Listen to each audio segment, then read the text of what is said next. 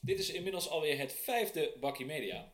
De podcast over marketing, media en communicatie, zodat jij goed beslaagd ten ijs kan komen bij het koffiezetapparaat en je op de hoogte bent van alles wat er speelt in Medialand.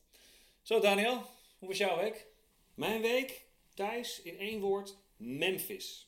Memphis. Dat bedoel je denk ik niet eh, Memphis, Tennessee, hè? de stad van Elvis Presley. Oh, don't step on my blue sweatshirt. Nee, nee, nee. Niet die Elvis, niet die Memphis. Ik bedoel Memphis Depay, hè, de voetballer. En eh, eigenlijk was Memphis eh, nooit echt een voetballer waar ik echt fan van was. Hè. En, en dat is deze week eh, definitief veranderd. Hè. Dus dat, eh, dat is eigenlijk wat er gebeurd is. eh. Hm. Maar waarom was jij geen fan dan? Want de meeste topvoetballers die hebben toch wel iets aparts, iets excentrieks. Hè? Of je nou naar Cristiano Ronaldo kijkt of naar Neymar. En Memphis Depay is daar toch ook eentje van? Dus wat, wat sprak je niet aan in hem dan? Ja, nee, klopt. Veel voetballers die zijn ook een beetje apart. Of eh, die hebben dan een haar eh, roze geverfd of een hanekam of eh, allemaal tato's op hun kuit.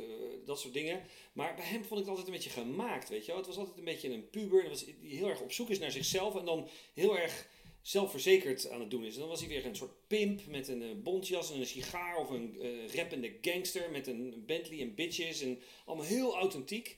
Ja, en dan eh, als je dan er nog een paar inschiet, maar zijn prestaties waren ook best wel matig, weet je wel. En dan had hij één keer gescoord, een penalty of iets, en dan had hij weer die vingertjes in zijn oren. Ja, Ja, maar dat had een doel. Hè? Die vingertjes in zijn oren Ja. was voor een campagne voor de arme kindertjes in Afrika. Dus dat was een beetje zo van eh, een marketingtrucje. Dus, oké, oké. maar ik, ik volg je wel. Maar dus als ik je goed begrijp nu, ergens, eh, is je mening dus veranderd? Daniel Dien? Ja, nee, klopt. Ik denk dat ene Tjerk de V dat het niet direct met me eens is.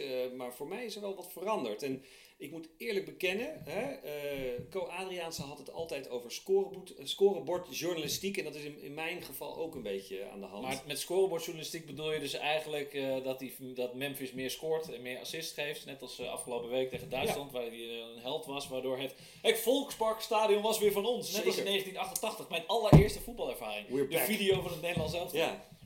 Ja, nee, ja, dat speelt mee. Dus eh, het feit dat hij ook gewoon beter is gaan presteren, dat, dat speelt mee. En, ehm, maar hij, hij heeft zich ook ontwikkeld. Hè? Ik bedoel, het is een speler met wapens. Hij heeft natuurlijk een ijzersterke body. Eh, hij heeft veel zelfvertrouwen. Hij helpt anderen, maar hij paast, hij scoort. En is echt een beetje een, eh, een, een, een nieuwe leider aan het worden. En ik bedoel, laten we eerlijk zijn, zes van de acht doelpunten deze Interlandweek. ja, ik bedoel, dat is wel indrukwekkend. En wat vond jij?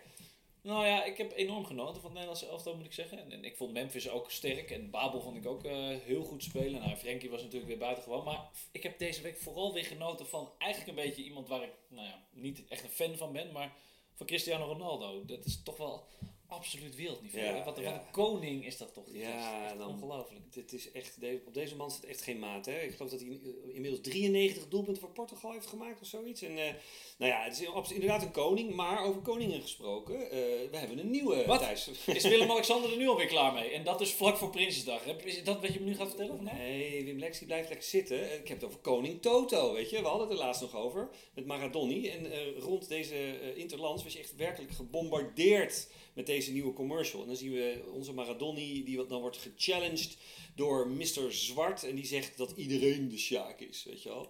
Ja, iedereen is een Ja. sjaak. Maar dat is op zich wel bijzonder. Hè? Vrij eerlijk ook van een, eh, van een loterij. Dat je zegt, nou, want oprecht ben je dus de sjaak als je meedoet met de Toto. ja, dat is toch wel eh, mooi. Doe mee, want je bent de Sjaak. Winnen doe je niet. En eh, ja, dus doe vooral niet mee met de Toto. Dat is wel een Nou aparte... ja, wat mij betreft mag koning Toto wel wat doekoe afdragen aan Tele 2. Voor het rippen van, van uw stilo, toch? Met, die, Ja, met die liedjes en met de rappen. En.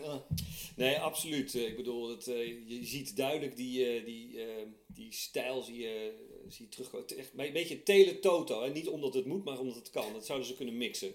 Hey, eh, nou ja, goed. Jij zit ook wel lekker in die straat al. Met de stilo en zo. hè. Ja, ik zit er wel goed in. Ja, maar ik moet wel zeggen dat deze commercial was wel eigenlijk een beetje tenenkrommend amusement. Hè? Mm. Vooral die twee papier-maché eh, kippen die daar Oh. zo...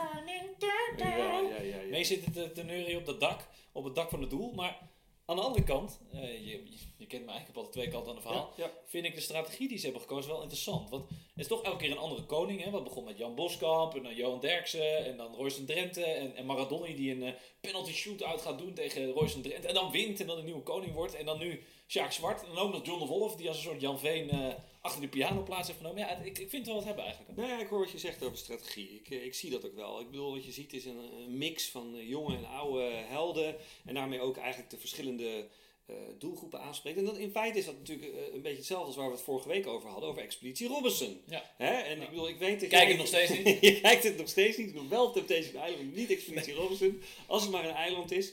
En, eh, maar je ziet dus deze week bij Expeditie Robinson, voor de mensen die het wel volgen en voor de mensen die het niet volgen, dat eh, de jonge generatie, dus de oude generatie, eh, probeert pootje te lichten. Hè? Ik bedoel, we hadden onze Dolly Dot Anita, die is er door alle vloggers en influencers uitgestemd. Oh, ja. nee, toch. Ja.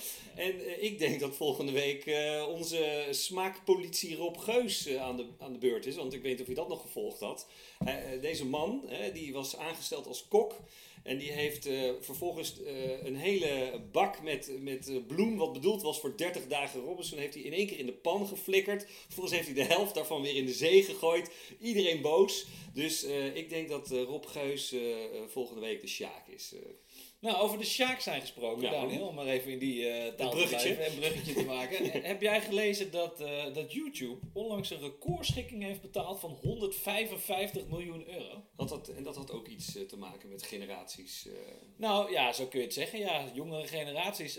Google volgt namelijk minderjarige gebruikers middels cookies. Dus niet alleen op YouTube, maar ook daarbuiten. Ook Dus- buiten nog. Ja, dus niet alleen de filmpjes die ze keken, maar Google kreeg dus zoveel informatie dat die kinderen dus allemaal gepersonaliseerde advertenties eh, te zien kregen. In het kader van Oh.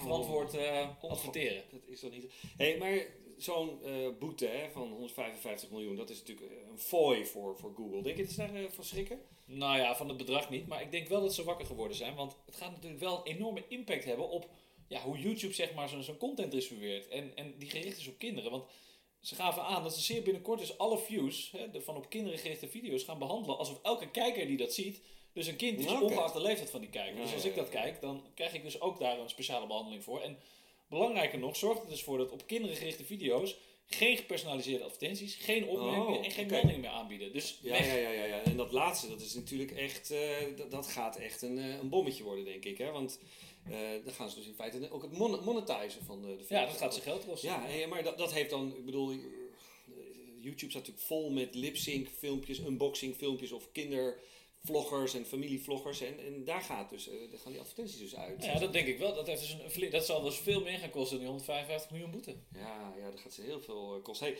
maar als, want waar we het hier eigenlijk over hebben is over, over kindermarketing, hè, eh, targeting van, van kids. En waar ik een beetje aan moet denken is in de oude tijd, hè, ik ben natuurlijk net wat ouder dan jij Thijs, had je van die eh, soort van eh, bureautjes, hè, kinder, kindermarketingbureautjes, die kwamen toen op en dan had je Casey of zo, kan ik me herinneren.